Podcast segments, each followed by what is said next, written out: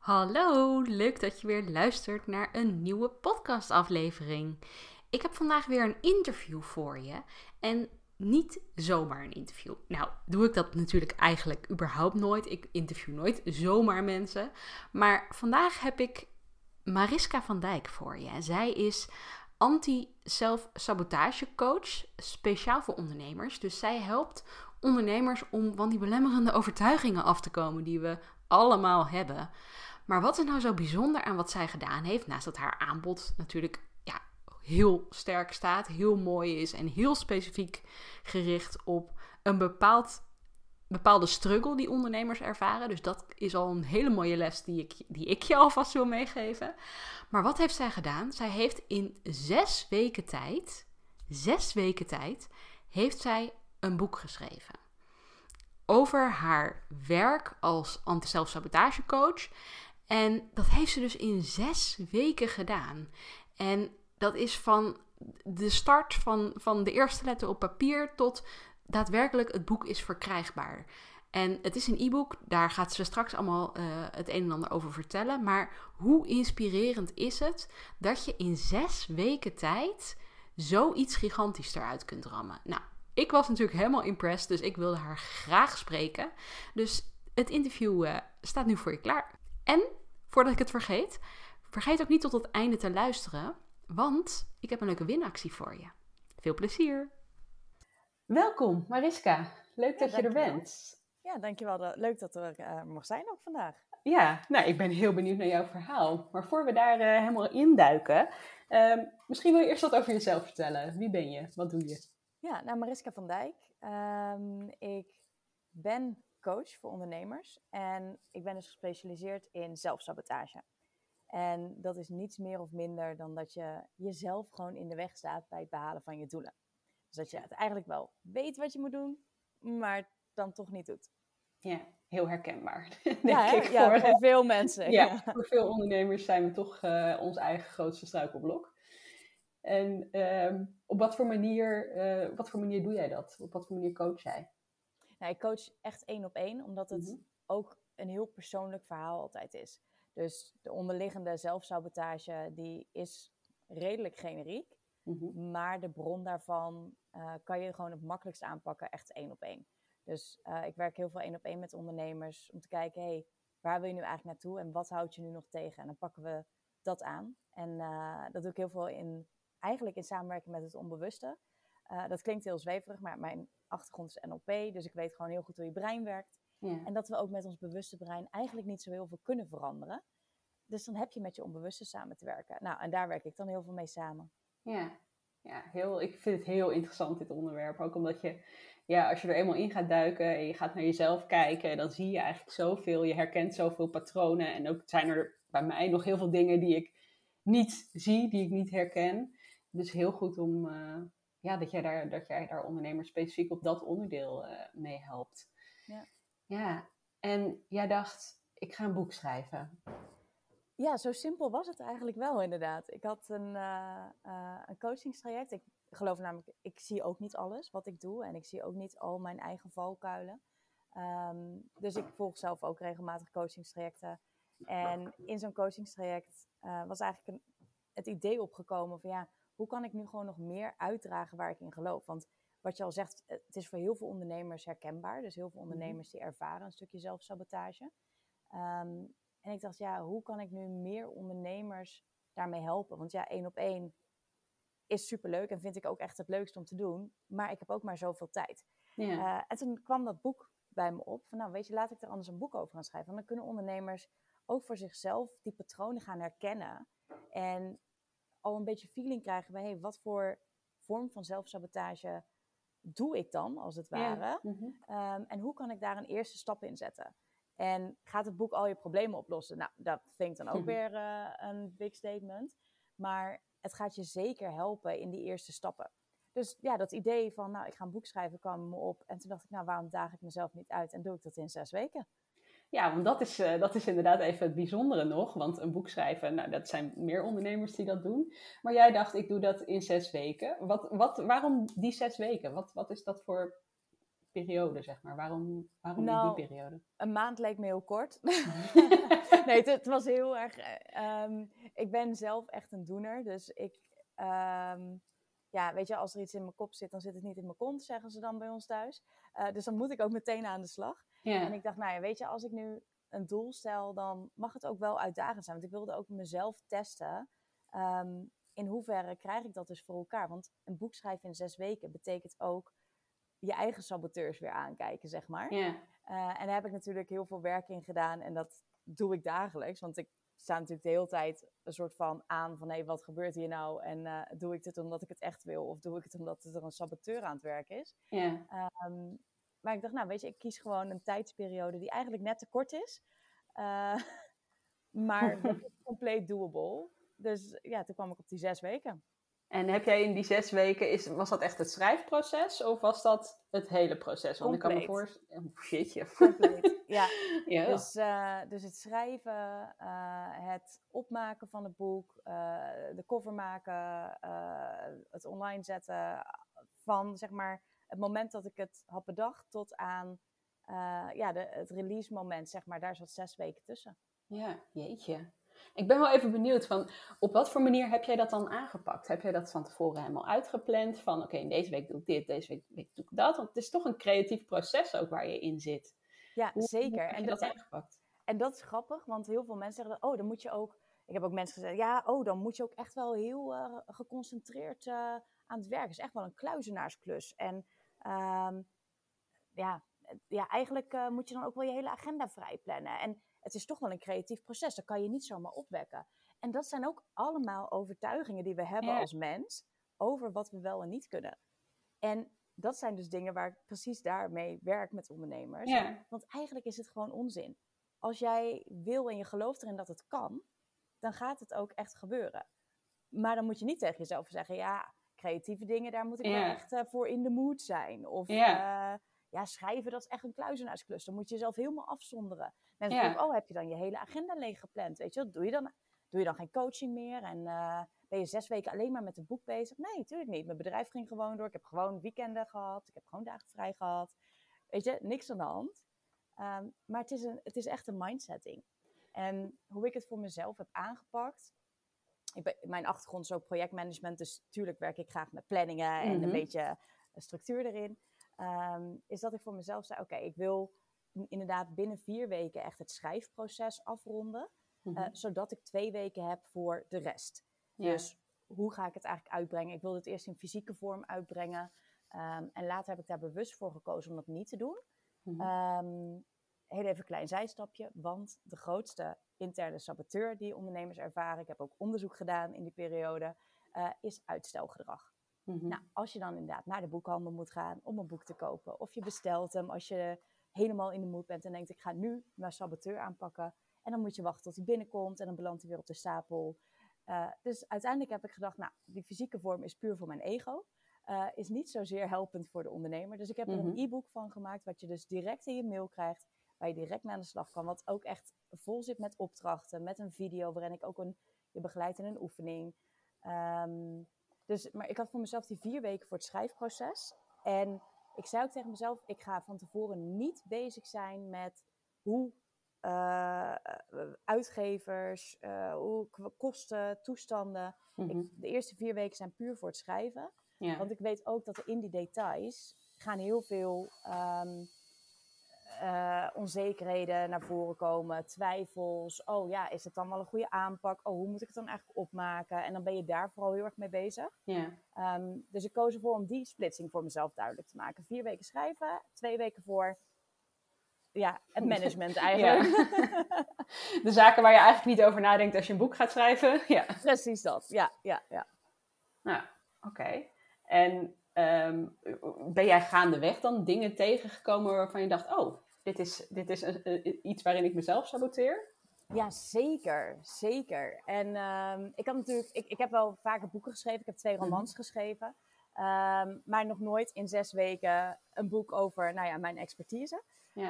Ehm, en een van de saboteurs die ik tegenkwam was dat ik een, een vorm van uitstelgedrag vertoonde. Ik was namelijk heel erg in het creatieve proces, dus heel veel aan het creëren. Mhm. En wat ik merkte is dat ik tijdens dat creëren uh, viel ik dan even stil. Dan kwam er even niks meer in me op. En wat mhm. je net zei, nou, het is ook een creatief proces, kan je niet helemaal sturen. Nou, dat gebeurde dan ook. En dan werd ik een soort van, ja, apathisch, zat ik een beetje voor me uit te staren. Pakte ik mijn telefoon dan maar erbij. En dan ging ik zitten scrollen. En nou, dat heb ik twee dagen gedaan. Ehm, en toen dacht ik, oké, wacht even, hier heb ik iets te pakken. Ehm, want als ik zo doorga, dan gaat het me waarschijnlijk niet lukken. Ja. Um, en heb ik ook, dat heb ik ook beschreven in mijn boek. Hey, hoe heb ik dat nu aangepakt om uh, ja, daar daadwerkelijk een patroon in te veranderen voor mezelf? Uh, nu scheelt het dat wij een hond hebben. Uh, Dus ik kon letterlijk mijn lijf fysiek in beweging brengen. Ja. Daar vertel ik ook over in mijn boek. Wat, um, wat een heel groot voordeel is, is dat we een lichaam hebben. Mm Alleen we vergeten het heel vaak. Mhm. Dus dan zitten we in ons hoofd en in ons hoofd gaan we vastzitten en maken we een soort van oneindige loop van, nou ja, of niets meer doen of zorgen maken of whatever. Ja, je blijft dan echt vastzitten in die gedachten. Precies, en... en... we hebben dit hele lichaam. En op het moment dat we letterlijk even in beweging komen en iets anders kunnen gaan doen en even buiten een wandeling kunnen maken, mhm. ontstaat er weer heel veel ruimte om na 10, 15, 20 minuten, een half uur of een uur voor mijn part, gewoon weer terug te komen en dan weer vol in die focus te kunnen stappen. Ja. ja. Nee, dat, dat, is, dat herken ik zelf ook altijd wel hoor. Want op een gegeven moment, dan zie je het ook gewoon niet meer. En dan ga je misschien dingen opschrijven waarvan je later denkt, ja, wat, wat, ben ik, wat, wat heb ik eigenlijk opgeschreven? Wat ben ik eigenlijk aan het doen? Terwijl als je dan even eruit stapt en even denkt van, oké, even ergens anders aan denken. Even niet mee in je hoofd blijven zitten, maar juist gewoon naar buiten gaan. Ja, dat, uh, Precies, dat, anders ga je zo vanuit die frustratie werken. En of je dan een boek aan het schrijven bent, of je bent je social media post aan het plannen, of wat je dan ook maar aan het doen bent. Dan ga je jezelf zo vastzetten. En eh, het resultaat wordt er echt niet beter op als jij gefrustreerd en eigenlijk helemaal niet erbij bent. Nee. Ehm, maar ja, vaak gunnen we onszelf de tijd dan even niet om even weg te stappen. Nee, het is, het is dan vaak van, oh ja, maar ik, ik moet, dit, ik, ik moet dit doen in vier weken, dus uh, ik moet door. Ik heb geen tijd om, uh, om even uit te zoomen, om even naar buiten te gaan, om even iets anders te doen dan. Ja. Terwijl ik denk dat dat juist met wat je ook inderdaad dan bezig bent, dat maakt dan niet zoveel uit. Maar dat je juist verder komt als je even wel een stapje terug kunt zetten. En als je wel even die rust kunt pakken. Want anders nou ja, dan blijf je gewoon in je hoofd zitten. Ja, zeker. Ja. zeker. En zijn er dingen waarvan je achteraf had uh, waarvan je achteraf zegt, nou dat had ik anders willen doen? Oeh, goede vraag. Um, er komt zo niet meteen wat in me op. Um, ik vond het heel leuk. Ik, ik, ik wilde eigenlijk, wat er nu in me opkomt, is, oh ja, ik had eigenlijk nog wel meer mensen willen spreken in mijn onderzoek. Ik heb heel mhm. veel uh, geprobeerd om het boek aan te laten sluiten op wat er speelt bij zoveel mogelijk ondernemers. Dus ik heb mm zelf ondernemers gesproken. Ik heb een uh, onderzoek uitgezet waar mensen allemaal uh, hun mening en nou ja, waar loop ik dan tegenaan? Welke zelfsabotage ervaar ik? Nou, die cijfers kan je ook lezen in het boek. Ja. Um, en ik heb het natuurlijk gebaseerd op wat ik elke dag in de coachingspraktijk voorbij zie komen. Uh, bij mijn coaches die nou ja, alle vormen van zelfsabotage vertonen, zeg maar. Ja. Um, en nu denk ik, ja, oh, ik had het wel heel leuk gevonden om nog meer ondernemers te spreken. Want het zijn zulke uh, open verhalen die mensen dan delen over ja, waarom het nog niet lukt. Ja. En um, het, het vervelende daaraan is, is dat het echt, echt anders kan. En dus vooral vervelend voor hun, want ik weet dat het anders kan. Uh, en ik kan ze er ook mee helpen. Maar ja, ik, het is schrijnend bijna om te zien dat, dat je jezelf zo in de weg kan staan. Ja, ja en, en dan denk ik dat zo'n boek ook heel erg helpt om ja, eigenlijk een soort van spiegel te zijn van je bent niet de enige, er zijn zoveel meer mensen. Eigenlijk iedereen, elke ondernemer heeft uh, op een of ander vlak uh, saboteurs en houdt zichzelf tegen. En ik denk, als we daar maar ons iets meer van bewust zijn. En daarom denk ik van elk boek of elke um, video of wat dan ook, elke podcast die hierover gaat, denk ik, het is gewoon zo nuttig om je daar bewust van te zijn. Want het helpt je gewoon elke stap die jij daarover na gaat denken, helpt je om er overheen te komen. En ja, ja ik ben ook wel benieuwd. Kun je wat vertellen over bijvoorbeeld een opdracht die in het boek zit? Wat je, um, wat je, wat je wil dat lezers gaan doen, bijvoorbeeld? Ja, zeker. Nou, ik ben zelf heel praktisch ingesteld. Dus ik vind het ook belangrijk, en dat vond ik ook tijdens het schrijven, dat je er ook echt iets aan hebt. Weet je? Dus dat je mhm. niet denkt, oh ja, uh, nu weet ik er iets over. Maar nu, ja, weet ik nog niet zo goed wat ik dan moet doen, zeg maar. Ehm, dus een van de dingen die je gaat doen is echt kijken naar, nou ja, wat is dan mijn saboteur? Dus ik leg uit welke vormen er zijn. Dus die ga je geheid herkennen. Want mhm. wat je zegt, iedereen heeft uh, een vorm van zelfsabotage. Ik ook nog steeds, weet je wel. Het moment dat je buiten je comfortzone gaat, je gaat iets nieuws doen. En zeker als ondernemer, de gemiddelde ondernemer is altijd bezig met... hey, wat kan ik nog meer doen? Uh, hoe kan ik groter? Hoe kan ik anders? Hè? Of, uh, nou ja, wat dan ook. Ehm, dus als je die gaat herkennen bij jezelf, ga je in een boek ook leren... Hey, hoe kan ik al een patroon veranderen voor mezelf? Mhm. Dus als ik nu inderdaad uitstelgedrag vertoon... hoe kan ik daar een stap in zetten om dat niet meer te gaan doen.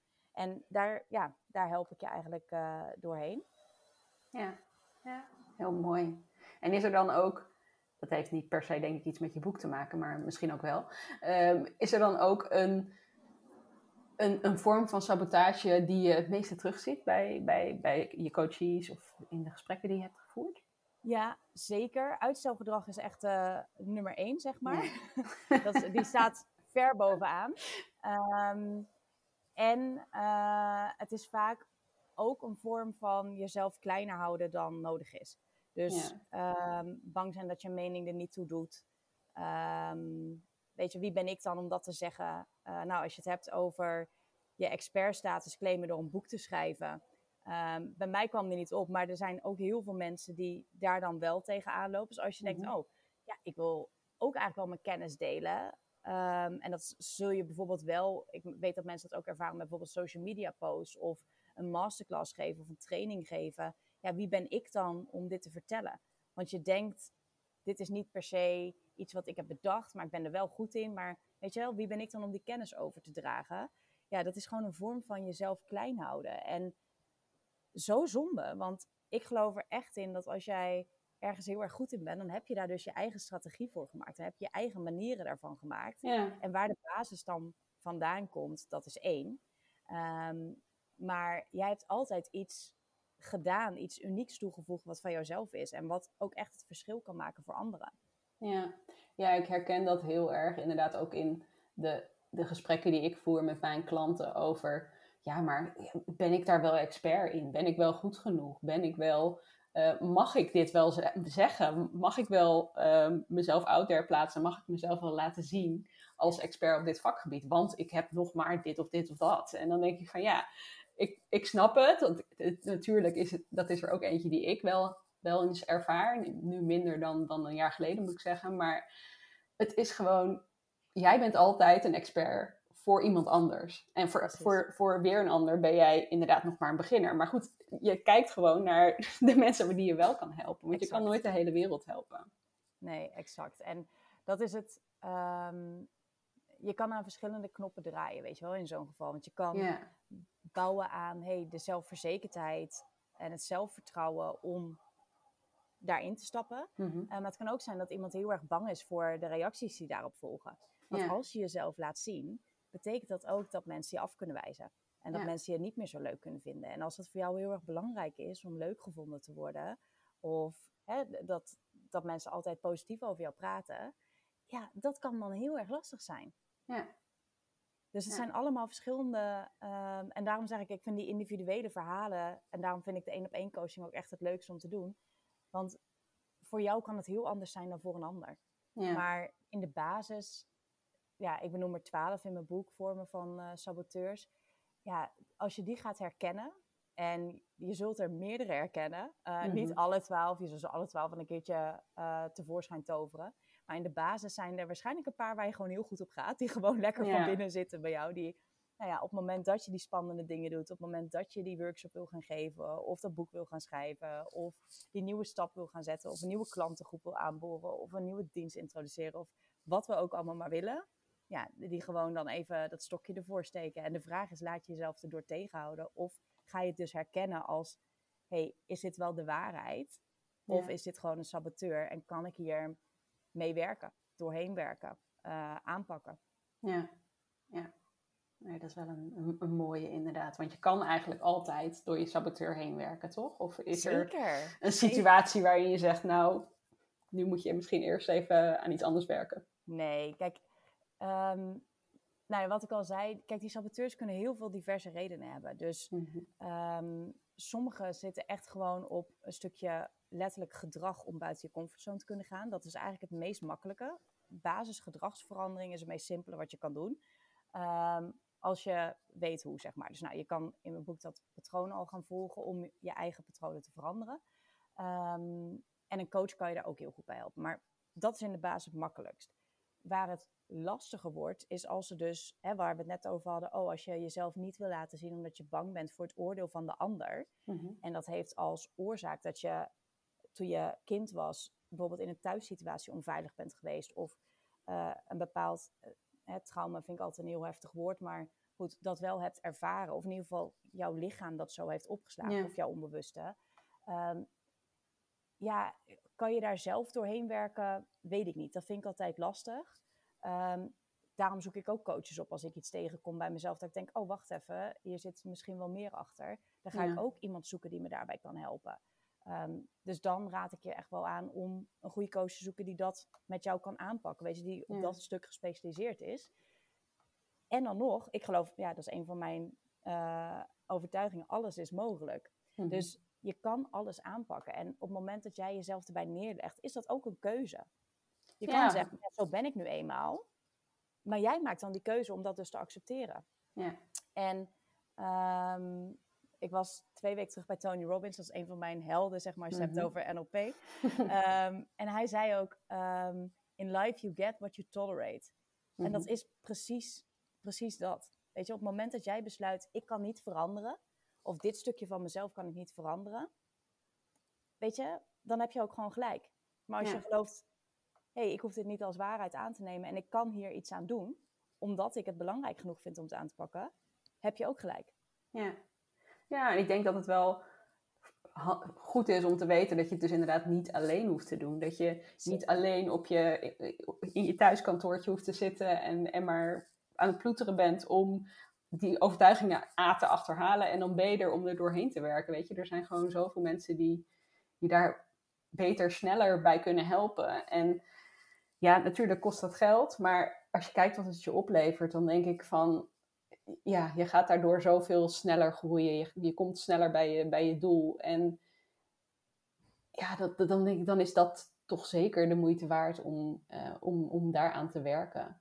Ja, ja, helemaal eens. En er is ook heel veel wat je zelf kan doen. En ik zeg ook altijd, ja, weet je, als je echt iets aan wil pakken, je ziet zelf gewoon niet wat je niet ziet. En jouw Nee. onbewuste is super slim. En daar, we werken er gewoon te, te weinig mee samen. Maar je onbewuste heeft een heel duidelijke functie. En dat is gewoon dingen die jij niet hoeft te zien, ook lekker weg te stoppen.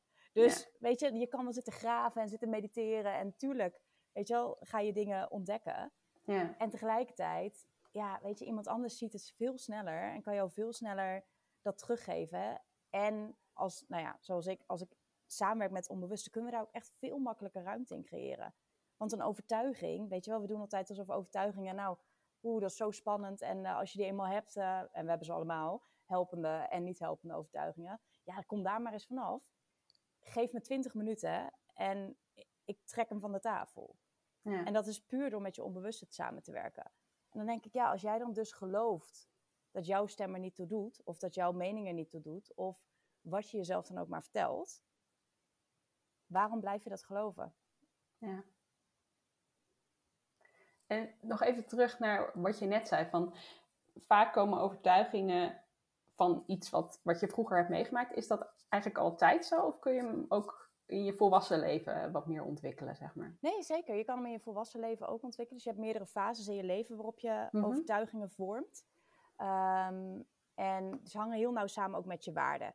En eh, ik beschrijf ze ook in mijn boek, maar je kan dus inderdaad in je hele vroege jeugd, van 0 tot 7 jaar, eh, dat is vooral van je ouders en verzorgers wat je leert. Eh, nou ja, wat dan wel of niet normaal is, zeg maar. ja. En tussen 7 en 14 heb je een hele periode waarin je ook allemaal vriendjes leert kennen, die dan ook iets vinden, zeg maar. En dan leer je ook van, hé, als ik mezelf laat zien, dan wordt het juist gewaardeerd. Of als ik mezelf laat zien, wordt het juist niet gewaardeerd. Dan wordt het afgestraft, weet je wel. En daar leer je van alles nog wat. Maar ook van 14 tot 21ste, dan ga je werken, krijg je relaties. Nou, dan krijg je weer een heel nieuw setje erbij, weet je. Want daar leren we ook oh, werk betekent uh, van acht tot vijf in een kantoortje zitten. Ja. Uh, en als ik dan ga ondernemen, oh, dan ben ik niet productief als ik om twee uur s middags uh, mijn laptop dichtklap. Weet je, dat zijn ook allemaal waarden en overtuigingen die we dan zo poep, poep, poep in ons hoofd laten zetten, zeg maar. Ja. En dat is echt niet dat we daar continu bij stilstaan, maar het vormt wel altijd wat we doen. Ja. Elke minuut van de dag. Ja. En je zou zelfs dus eigenlijk een overtuiging, want je kan natuurlijk ook positieve overtuigingen hebben. Absoluut. Overtuigingen die juist helpend zijn. Zeker. En uh, dat is misschien iets waar je je bewuster van bent dat je daarmee aan de slag gaat. Of heb je ook onbewuste helpende overtuigingen? Tuurlijk. Het gros van onze overtuiging is onbewust. Of ze nou helpend zijn of niet helpend zijn. Oké. En alle niet helpende overtuigingen hebben ook een positieve intentie voor jou. Dus ooit Mhm. hebben ze voor je gewerkt. Want als je hebt geleerd, op, hè, laten we even het schoolvoorbeeld erbij pakken. Oh, als ik mezelf laat zien, word ik daarna bij het fietshok in elkaar getrapt na de school. Ik noem maar even Mhm. een voorbeeld. Dan is dat heel helpend om te leren. Oh, als ik mezelf laat zien, dat is geen goed idee. Nee. Want anders werd je elke dag na school bij het fietshok in elkaar getrapt. Dus het heeft voor je gediend totdat je nou ja, volwassen bent, gaat ondernemen, op een podium wil stappen, maar dan denkt, "Huh, ik krijg het Spaans benauwd, want als ik mezelf laat zien, dat Ja. wordt afgestraft. Dan Ja. helpt hij niet meer voor je. En dat is het moment waarop je denkt, hé, hey, wacht even, hier wil ik vanaf. Of dat je dus accepteert, ik ga nooit op het podium staan, want ja. ik geloof ja, dat dan, eenmaal. Ja, dan gaat het over ehm, accepteren wat je niet kunt veranderen en veranderen wat je niet kunt accepteren. eigenlijk. Exact, exact. Maar ze hebben altijd iets gediend voor je, weet je wel. Dus Ik, Mhm. ik geloof bijvoorbeeld altijd dat ik heel hard moest werken om succesvol te zijn in het leven. Heeft me heel veel gebracht, totdat ik bijna twee burn-outs verder was, zeg maar. En dacht, hé, hey, misschien is dit niet zo heel handig om de rest van mijn leven te blijven doen. Maar het heeft me ook heel veel gebracht, weet je wel. Ik was de jongste in het managementteam. Ik, ik deed op mijn 25ste, 26ste dingen waar mensen van 40, 50 in dat bedrijf van droomden. Ja. Dus was dat verkeerd? Nee, absoluut niet. Het heeft me gebracht waar ik nu ben. Het heeft ervoor gezorgd dat ik ben gaan ondernemen.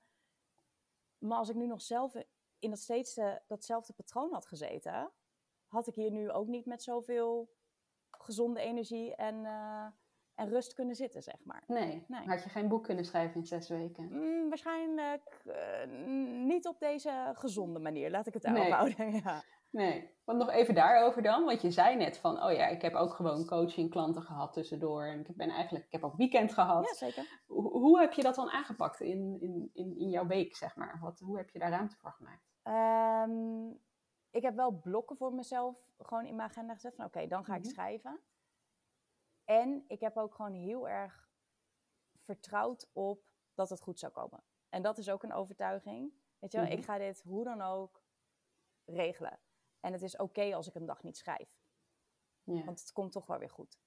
En dat is een mate van vertrouwen die ook ehm, voor sommige mensen een saboteur kan zijn. Hè? Want er zijn ook mensen die denken, oh, het komt allemaal wel goed, maar die doen dan vervolgens echt helemaal niks. Nou, dat is dan zeg maar de niet, de niet handige kant daarvan. ja. Ehm, maar voor mij hielp het heel erg om die balans te kunnen behouden. Om Ja. erop te vertrouwen, het komt echt wel goed. En ik heb echt niet tot s'nachts drie uur zitten schrijven of zo, weet je wel. Het was gewoon heel erg doable, doordat ik...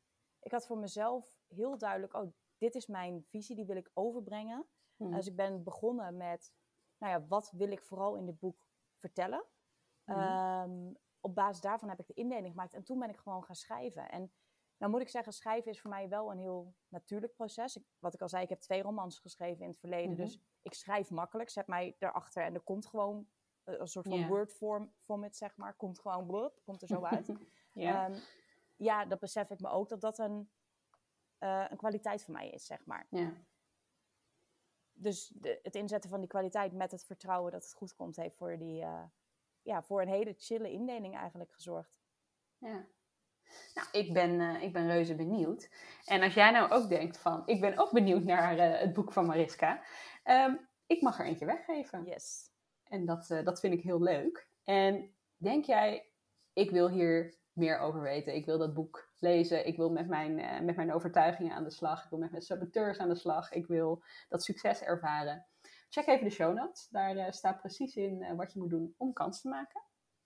En ehm, nou ja, ik wil, wil jou, Mariska, hartstikke bedanken voor, voor deze inspirerende podcast, hoop ik. Ik denk dat er heel veel herkenbaarheid in zit voor heel veel ondernemers.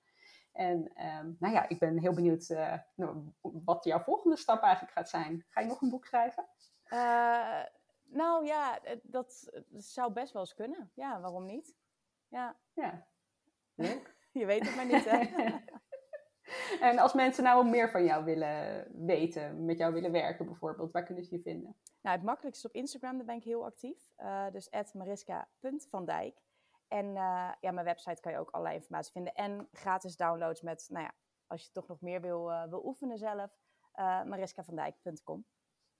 Top. Nou, ga dat bekijken en check dus even de show notes om te ontdekken hoe je dat boek kunt winnen. Leuk, dankjewel. Dankjewel, uh, dankjewel voor dit interview. Jij bedankt.